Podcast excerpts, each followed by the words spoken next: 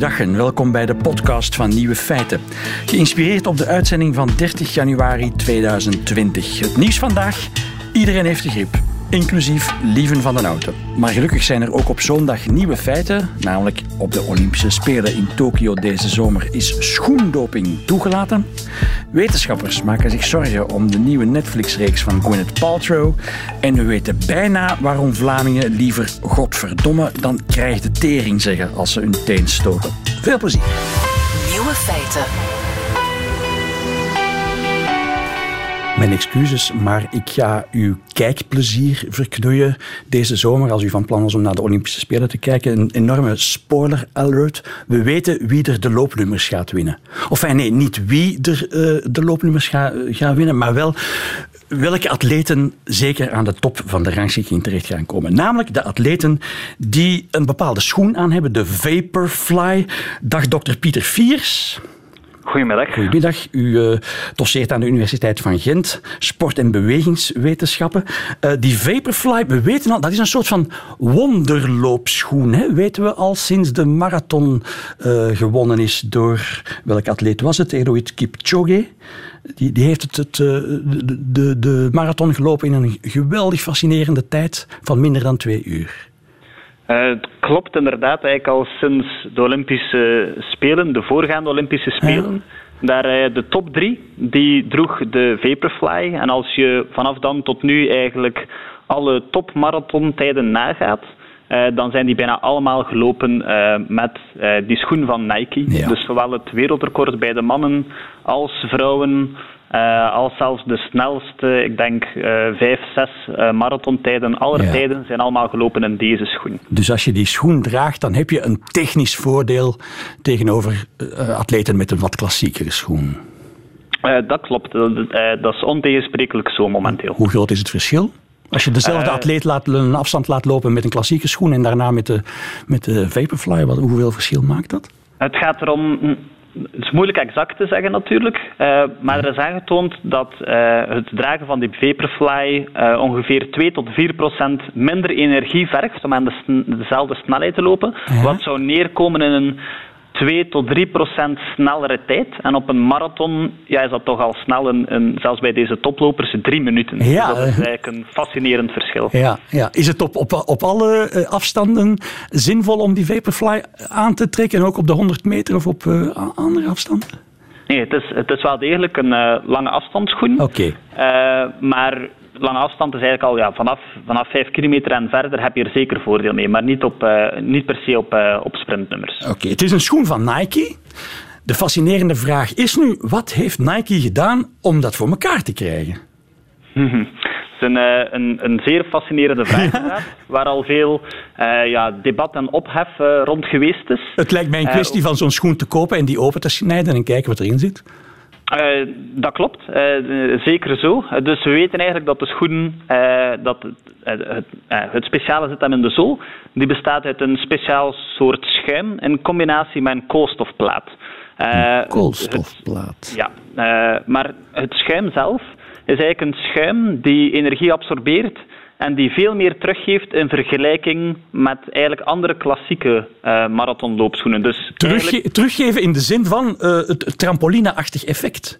Uh, dat is sterk uitgedrukt, maar je zou, je zou kunnen zeggen dat je in vergelijking met andere schoenen minder energie verliest. Ja, ah, ja, ja, ja. Dat is eigenlijk beter uitgedrukt. Ja. Uh, en dat in combinatie met die koolstofplaat, het is de combo van die twee, of koolstofplaten, want in de nieuwe, in de nieuwe schoenen uh, zitten er meerdere, geeft het voordeel. En het is eigenlijk niet geweten, het is ook niet duidelijk, wat het aandeel is nu van, dus van ah, eh, het schuim en van de plaat. Maar het, het, is de combinatie van de twee die het hem doet. En eh, je kan als wetenschapper vaststellen, het werkt, al weten we niet goed waarom. Maar goed, dat vinden we dan later wel uit. Dat klopt. Dus, dus, wat men gedaan heeft, is eigenlijk uh, echt topatleten uh, laten lopen met die Nike uh, Vaporfly, met een andere top Nike schoen en met in die tijd de beste beschikbare marathonschoen. Dat was ja. een van Adidas. Ja. En men heeft aan verschillende snelheden laten lopen en men heeft het energieverbruik gemeten en ja, men vond gemiddeld 4% verschil vandaar ook de allereerste naam Nike Vaporfly 4%. Nu, dat is allemaal niet echt nieuw. Hè? Dat, dat weten we al. Sinds, sinds die, die geweldige marathon is gelopen, zijn die vragen allemaal al eens een keertje gesteld. Wat wel nieuw is, dat het, dat het mag. Uh, want als, als zo'n soort van uh, technische uh, nieuwigheid wordt bedacht, dat doet, mij een beetje denken aan de haaienpakken van de zwimmers een aantal jaren geleden. Zwimmers zwommen plots veel sneller als ze een bepaald zwempakje droegen.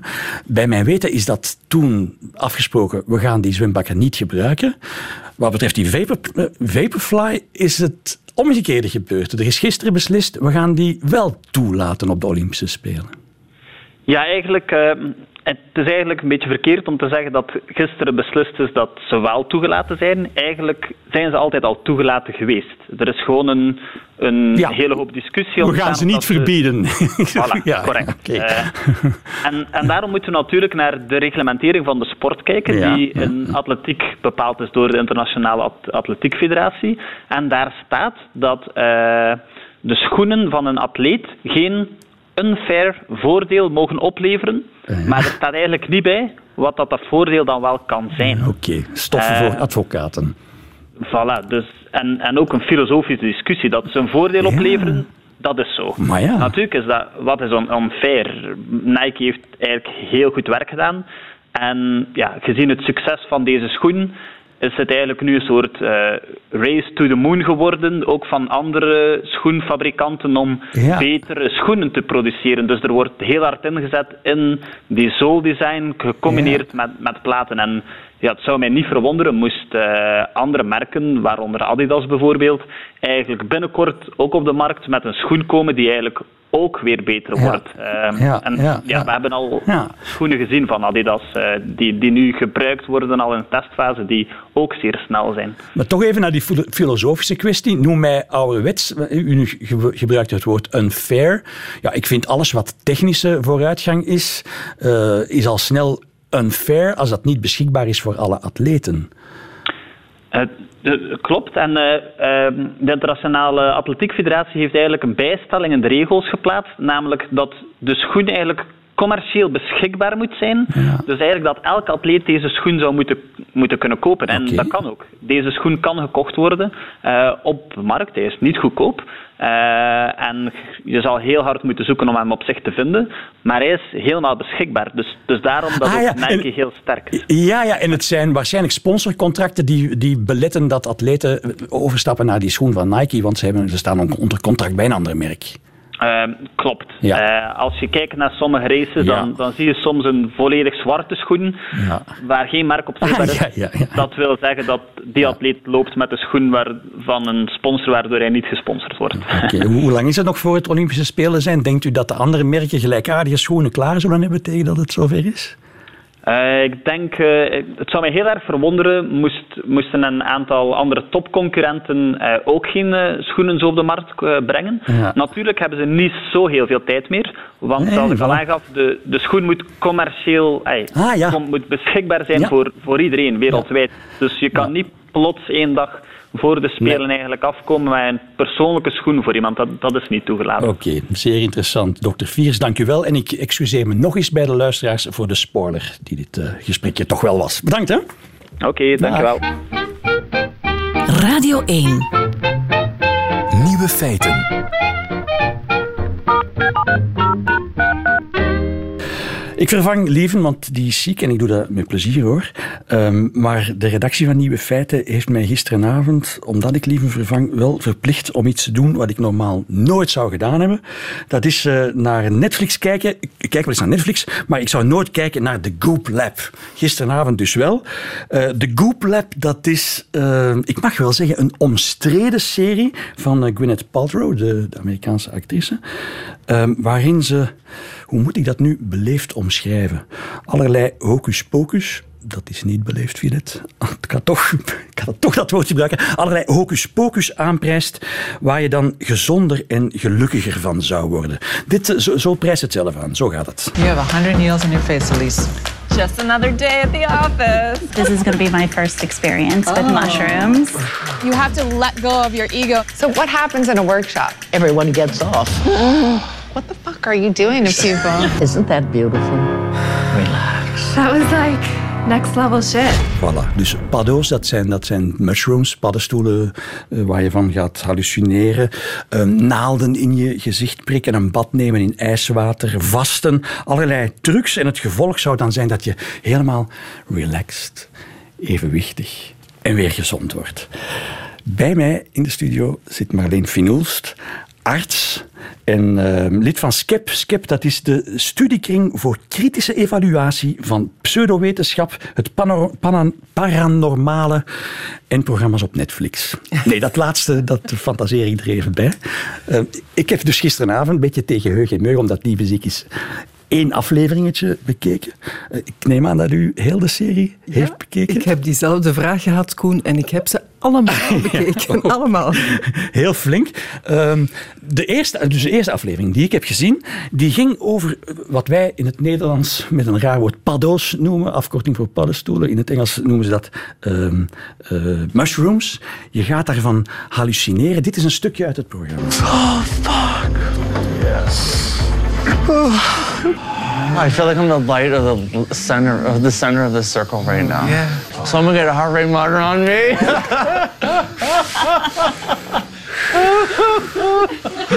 keep going. That's why we're here. That's a real psychedelic. Oh, my whole body's vibrating. Keep going. Keep going. Ja, je gaat ervan hallucineren. Dat hebben we gehoord. Ja, tot daartoe blijkt het mij wetenschappelijk. Maar dus Gwyneth Paltrow beweert dat het goed is voor uh, voor heel veel dingen, zowel voor ja, puur de stemming, mentaal, het mentale welbevinden. Ja, ja, ja, maar ook voor trauma's en dat soort van dingen. Ja, uh, voor veel dingen goed. Ja. Die psychedelica, die mushrooms, psilocybine, de werkzame stof erin, het zijn LSD wordt daar ook voor gebruikt. Ja, dat, heeft de, dat komt eigenlijk uit de, eh, de jaren 60, 70, dat men daarmee experimenteerde voor mensen met, uh, met depressies, stemmingsproblemen. En men is dat eigenlijk terug uh, aan het onderzoeken de laatste jaren. Er zijn een paar onderzoeksgroepen bezig met microdoses van psychedelische drugs. LSD, psilocybine, dus mushrooms. En men kijkt, men doet studies bij mensen met depressie, mensen met psychose. Okay. Dus daar is wel iets van aan. En ik moet zeggen, uh, dat was de eerste aflevering van Gwyneth Paltrow's Goop Lab. En ik ben ook zeer, uh, met zeer sceptisch beginnen kijken. Maar dan dacht ik, ah ja, daar uh, in Silicon Valley bijvoorbeeld gebruikt men door de hoge weg, werkdruk gebruiken veel mensen die microdoses uh, mushrooms. Ja. Daar zijn wel studies over, maar dat is zeer beperkt maar het is geen flauw. Ik, ik, gebruik, ik, ik gebruik het woord hocus pocus. Ja. Dat is niet van toepassing op die eerste aflevering. Daar, zit... minder, daar is het minder van toepassing. Het is ook wel de enige aflevering van de zes waar het minder van toepassing is. Maar effectief zijn daar wel studies, wordt daar serieus onderzoek naar gedaan en kijkt men, kan men mensen met een psychose, met een ernstige depressie, met stemmingswisseling misschien helpen met zeer lage dosissen, dosis uh, mushrooms, psilocybine dus. En dat heeft een beperkt onderzoek wel enig effect, blijkbaar. Maar een probleem is dat je die, die hallucinaties of dat effect terug kan beleven op momenten dat je, die niet, dat je het niet neemt. Dus dat is een heel ah. eigenaardig ding. Ah, dus je neemt vandaag, want het was thee, hè? je slikt vandaag die thee. Een aantal dagen later. Het zou kunnen dat je als, terug. Als je denkt het is uitgewerkt. Ja, dat het terugkomt. Oh, ja. Als je dan toevallig in de wagen zit of zo. Ah, want daar zaten ze mooi in een kring in het gras. Dat is natuurlijk wat anders. Maar dus daar heeft ze de waarheid wat geweld aan gedaan. Dat, zo kennen we ze natuurlijk. Maar daar is wel iets, daar gebeurt wel wat onderzoek naar. Het deed mij ook denken aan de laatste aflevering van Brainman, dat programma van Otto Jan Ham op Canvas, waar hij de werking van de hersenen onderzoekt en hoe hij die werking bij zichzelf kan oppeppen. En dat ging over diezelfde paddenstoelen en hij was daar op mijn, ik, tot mijn verbazing ook een beetje, hij was er tamelijk enthousiast over. Ik maakte mij toen als kijker een beetje zorgen van, maakt hij nu reclame voor dingen waar je beter geen reclame voor maakt? Maar dat, is, dat wordt dus werkelijk het, wordt, het is nog allemaal experimenteel. Je kan het nog niet kopen en de, je kan het niet op voorschrift krijgen of zo. Ah, nee, nee. Maar er wordt mee geëxperimenteerd. Er zijn al klinische studies gebeurd met mensen uh, om te kijken of het de stemming kan verbeteren. En daar zijn al wel wat gunstige effecten uitgekomen. Maar het is nog niet in de handel verkrijgbaar. Tenzij misschien via dus, Google. ja, ja, ja. Maar dus de eerste aflevering van de Google Lab is door Skep goedgekeurd. Oh. Tweede aflevering.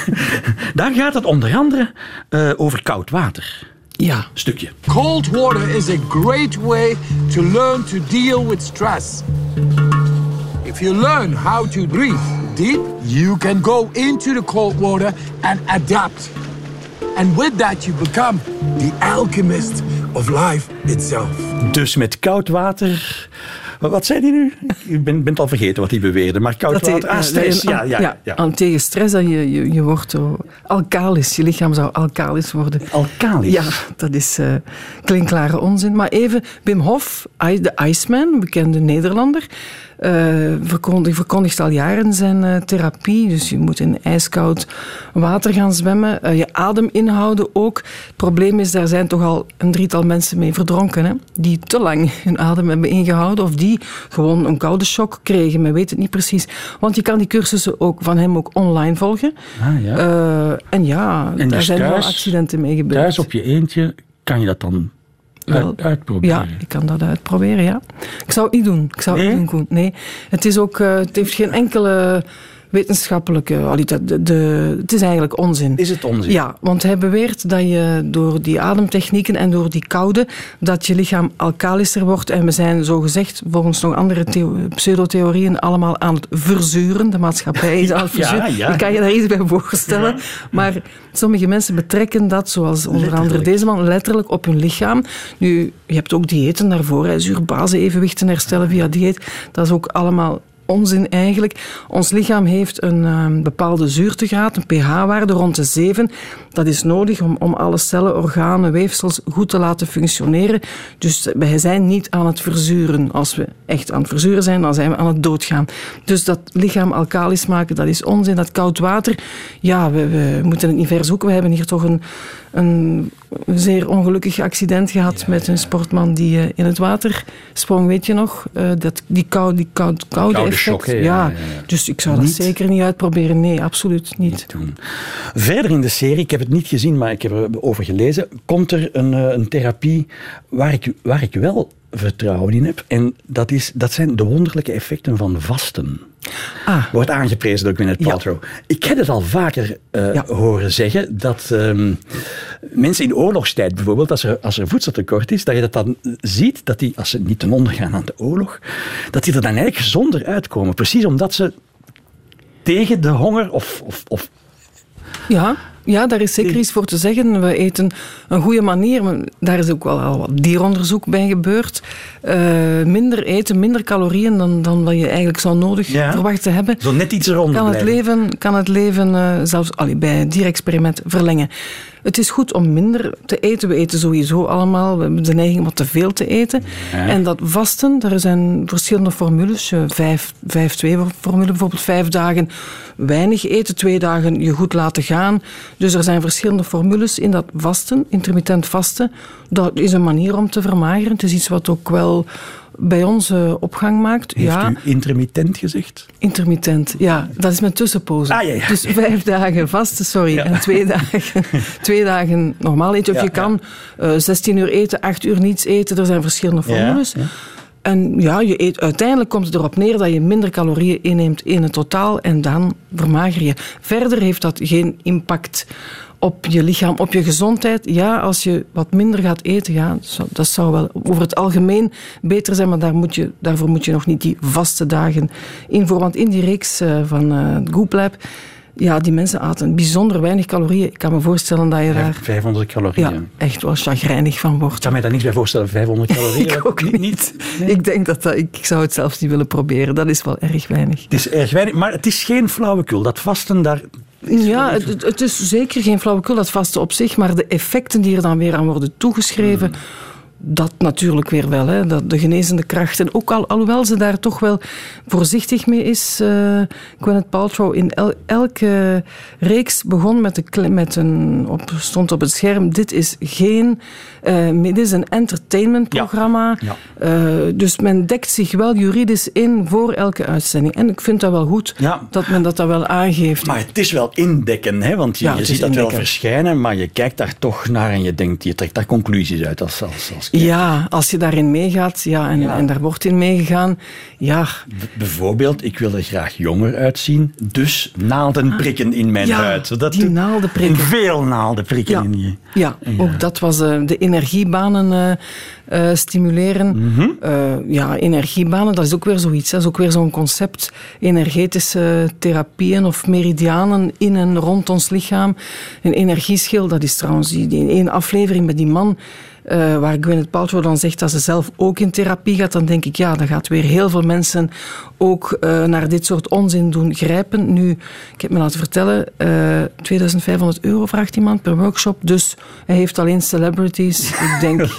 Laat hij zich maar prikken met... met Laat hij zich maar prikken. Ja, maar, ja, nee, dat, nee, nee, nee, nee. Ja, ik wil graag advocaat van de duivel zijn ja. en zeggen van ja, maar zou het niet, maar ik vind eigenlijk niks. Weet je wat, wat zou kunnen zijn? Natuurlijk, dat is het ontspannend effect in veel van die therapieën. De mensen liggen in het gras of ze liggen op een tafel, ja, ja, er is mooie muziek. Als je gerelaxeerd wordt, je voelt je ontspannen, ja, dan ga je automatisch wat minder... Ja, dat heeft op zich wel een verjongend En effect, toch ook het placebo-effect, waarvan ik weet van vorige gesprekken dat hoe duurder de placebo is, hoe beter hij werkt. Dus als, zo, als zo'n ding dan 2500 dollar kost, dan moet dan het moet wel het werken. En dan zal het Ja, ook werken. Dat is zo. Oké. Ja. Uh, een van de laatste afleveringen, en toen dan zou ik helemaal afvragen, energietherapie. En er is iemand die... Um, ja. begint, te, begint hij te zweven? Je hebt, Ja. je hebt het gezien. Ja. Of, of uittreding, of wat is het allemaal? Hij, hij legt de mensen op een, op een tafel, een smalle tafel, en hij, hij doet zijn beweging met zijn handen. Hij beïnvloedt hun energiebanen, aan, begint aan het, zaak, aan het staartbeen. Aan, Zonder aan te aan het raken. zonder aan te raken.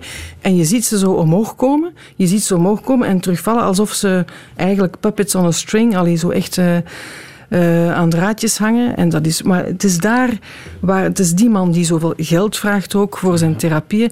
Wat me dan sterk verbaasde, die, die, die proefpersonen in die workshop.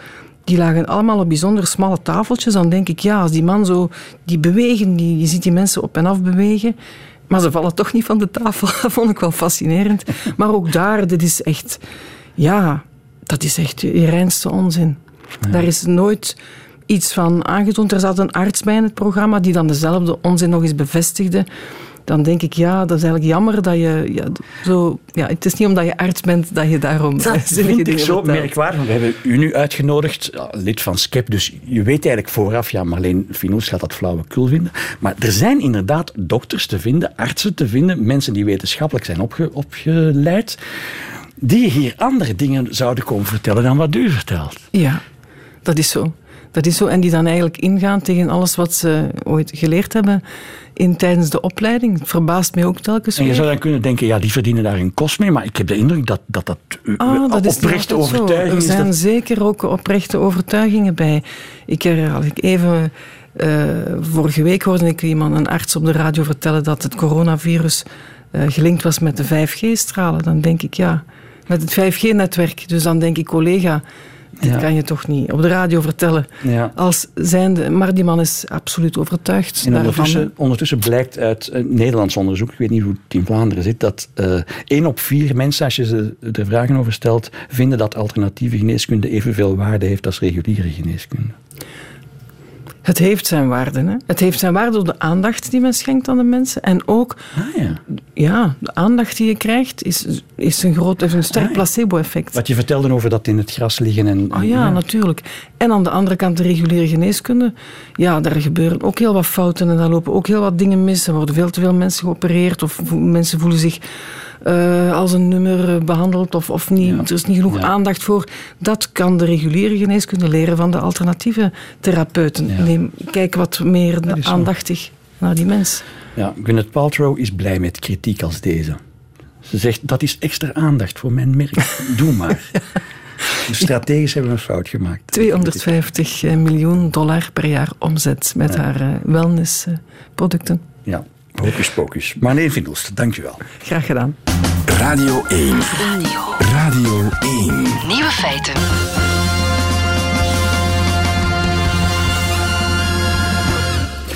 Misschien zegt de naam Gaston Dorre u wel iets. Dat is een vriend van Nieuwe Feiten. Dat is een Nederlandse taalkundige die we wel eens aan het woord hebben gelaten. Hij heeft ook interessante boeken geschreven over taalkunde. En we volgen die op Twitter. En gisteren vroeg hij zich iets af op Twitter. Hij vroeg zich af of het waar is dat Nederlands en Jiddisch unieke talen zijn, omdat in die, in die twee talen gevloekt wordt met ziekten. Bijvoorbeeld krijg de tyfus of iets als uh, kankerleider. Dat soort van dingen. Wij Vlamingen zeggen dat niet, maar Nederlanders zeggen dat. En uh, Gaston Dorre meent te weten dat dat in het Jiddisch ook gebeurt. Hij stelt die vraag en hij weet het antwoord niet. De oplossing heet Marten van der Meulen. Goedemiddag, Marten van der Meulen. Goedemiddag. Taalwetenschapper aan de Radboud Universiteit in Nijmegen. En vloekkenner, vloekspecialist, auteur van vloekboeken ook, geloof ik, hè? Ja, klopt. Twee stuks vorig jaar uh, verschenen, geschreven. Ja. En klopt, uh, klopt de vaststelling van uw collega Gaston Dorre? Nou, uh, daar moet ik een wetenschappelijk antwoord op geven. Ja, natuurlijk. ja en nee. Uh, het is altijd ja en nee. Dus aan de ene kant is het zeker waar dat er geen enkele andere taal is waarin we zoveel vloeken met ziektes hebben als in het Nederlands en in het Jiddisch. Ja. Um, maar er zijn wel andere talen die één of twee ziektevloeken oh, hebben. Ja. Ja, wacht, laat, laat, ons Uh, eerst, laat ons eerst met, met, met het, over het Nederlands praten. Ik als Vlaming, ik denk, ik heb zitten zoeken, maar ik ken geen enkele vloek die in, in het zuiden wordt gebruikt die naar een ziekte verwijst. Of sla, vergeet je nu een? Ook niet iets als bijvoorbeeld pestjong of zoiets? Pestkind? Ah, Misschien? Ik weet het niet hoor. ja. Maar Het is niet het eerste wat ik zou zeggen, maar ja, misschien het woord pest. Ja, ja. Maar verwijst dat dan naar de ziekte of verwijst dat dan naar de activiteit van het pesten? Een pestjong? nee, dat, dat is wel de, de ziekte nog steeds. Ja. Maar het is inderdaad eh, het is een bekend, eh, bekend feit dat, dat eh, de Nederlanders vrij eh, veel van hun ziektes houden. Ja, Jean, noem er een paar, want ik, ik kwam niet verder dan die tyfusleider. Maar, Ja, eh, het, eh, het tyfus en kanker heb je natuurlijk, Ja. maar ook tering, eh, pokken. Ah, ja. je, je ziet ook de laatste jaren, maar dat slaat niet echt aan, is dat bijvoorbeeld aids ook opkomt. ah, Eh, maar dat, dat bekt dan toch niet lekker. Dus dan zie je dat een, een ander aspect aan dat wat een goede vloek maakt, is dat het een bepaalde klanken moet hebben. Een K of een T Ja, of zo. pokken is, die is ideaal. Precies. Pokken, pokken, ja. Pokken En is, tyfus, ja, ja. is lekker. En, en ook, en ik weet dat het, ehm, ja, het is de, de grofste vloek natuurlijk om altijd met kanker te schelden. Maar ja, die dubbele K, dat heeft toch ook wel, ja, die, de- eh, het loslaten van die lucht, dat is toch wel iets wat eh, meespeelt. Zeg, en als je die vloek in de mond neemt in, in, in, eh, het noorden van ons taalgebied, hoe zwaar komt dat aan? Wat is de emotionele lading? Ben je dan echt iemand heel erg aan het verwensen? Het hangt van de situatie af. Eh, dus eh, de kanker kun je eigenlijk nooit gebruiken. Nee. Maar bijvoorbeeld eh martering merk ik dat bijvoorbeeld ook. Dus ik kom uit Den Haag, daar is, is, is een scheld met kanker eh, zo normaal dat ik dat in ieder geval eh, ja, niet van mijn ouders meekreeg, maar op school wel. Dat werd me snel afgeleerd toen ik eh, daar ergens anders ging studeren. Maar met tering bijvoorbeeld, dat, dat kan wel. Daar kon je mee Uh, weg. als je zegt, Ja. eh, oh, Ja. het was echt een teringzaaie vergadering. Ja. Ik moet dat niet tegen de prof zeggen hier, Nee. maar tegen mijn collega promovendi. Ik denk niet dat die daar eh, heel erg door geschoffeerd zijn. Nu naar het Jiddisch. Die taal zou ook eh ziektevloeken vloeken hanteren. Ja, dat klopt. En wat dus bijzonder aan het Jiddisch is, is dat het de enige andere bekende taal is die er ook een, een fors aantal heeft. Ehm, want dat, dat zie je dus eigenlijk daarbuiten helemaal niet. En wat men wel heeft geponeerd. Want we snappen gewoon niet hoe het werkt. Waarom schelden wij eigenlijk als enige taal, dus samen met Jiddisch, eh, met ziektes? Nou ja, er werd dus verwezen naar het Jiddisch dat natuurlijk een bepaalde invloed heeft gehad op het Nederlands. De mazzel, eh, een goocheme jongen, eh, een agenebbisch huis, weet ik veel. Ja. We hebben wel meer woorden uit het Jiddisch. Ja. Maar of dat dan ook de invloed heeft gehad, ik durf dat eerlijk gezegd te betwijfelen, omdat het zo'n taboe onderwerp is. Dan moet er een andere En verklaring omdat- ja, Dan moet er een andere Dat verklaring klopt, ja. zijn. Ja. Ja, nou, er zijn uh, dus één leuke verklaring en één hele saaie. De de, Nee, doe eerst snel, De snel, leuke- snel de saaie. Snel de Ja. saaie, dan zijn we ervan. Ah, oké. dat- Ja, de saaie is dat het gewoon, gewoon toeval is. Ah, nee. Eén iemand gebruikte het en toen nog iemand en toen Ja. groeide dat eh, Nee. vanzelf door. Te saai voor radiogebruik. Nu de leuke. Ja, sorry. Eh, nou, de leuk, nou, leukere is dat het een religieuze verklaring heeft. Dus dat Nederland natuurlijk eh, protestant werd op een gegeven moment. En dan, ja, je, krijgt dan toch een andere kijk op de relatie tussen het, het leven nu en het hiernamaals. Waarbij de nadruk meer kwam te liggen niet op je leeft voor het leven na de dood, maar je leeft meer voor het leven. Dus godverdomme verloor aan kracht daardoor. Want ja, dat, dat, dat betekende gewoon veel minder. En het ging erom welke dingen gingen fout tijdens het leven. Ja, als je dan tegen iemand zegt, krijg de tering. Ja, dan heb je best een naar leven. Ah, Eh, en kort ook. Eh, dus dat, dat kreeg dan een bepaalde eh, lading.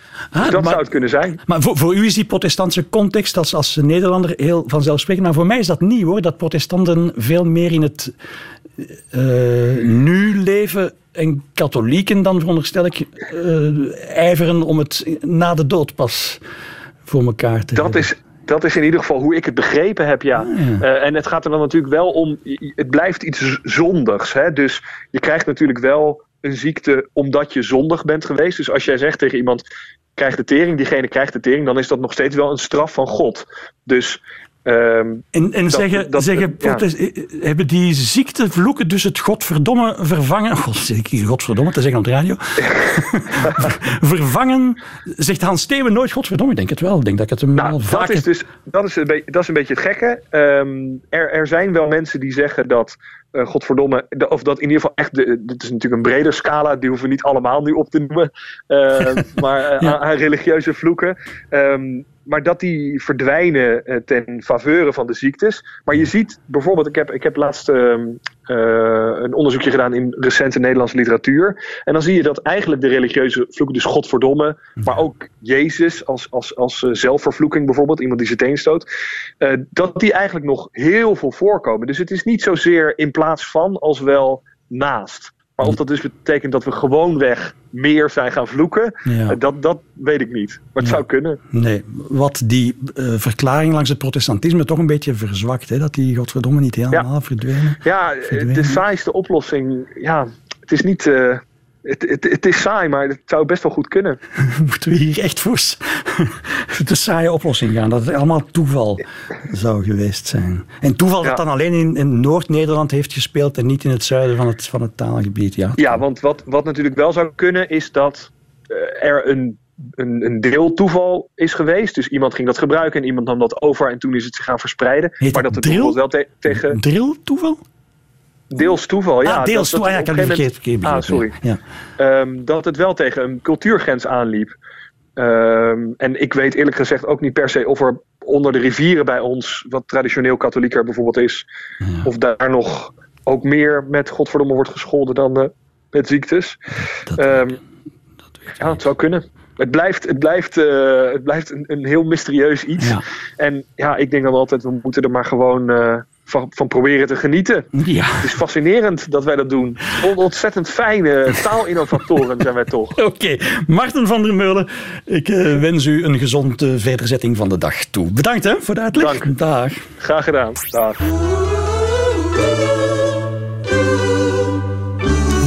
Feiten. We gaan naar het einde van het programma toe. We hebben een probleem. Niet alleen Lieven is ziek, maar ook Katrien Zwartenbroeks heeft de griep. Dat is een probleem omdat Katrien Zwartenbroeks eh, deze week het middagjournaal verzorgt. We hebben daarover nagedacht. We gaan van ons probleem een troef maken. Er wordt, heel veel luisteraars houden van het muziekje van het middagjournaal en vinden het jammer dat erover geluld wordt, dat erover gepraat wordt. We gaan dat vandaag niet doen. We zwijgen. Nieuwe feiten. Middagjournaal.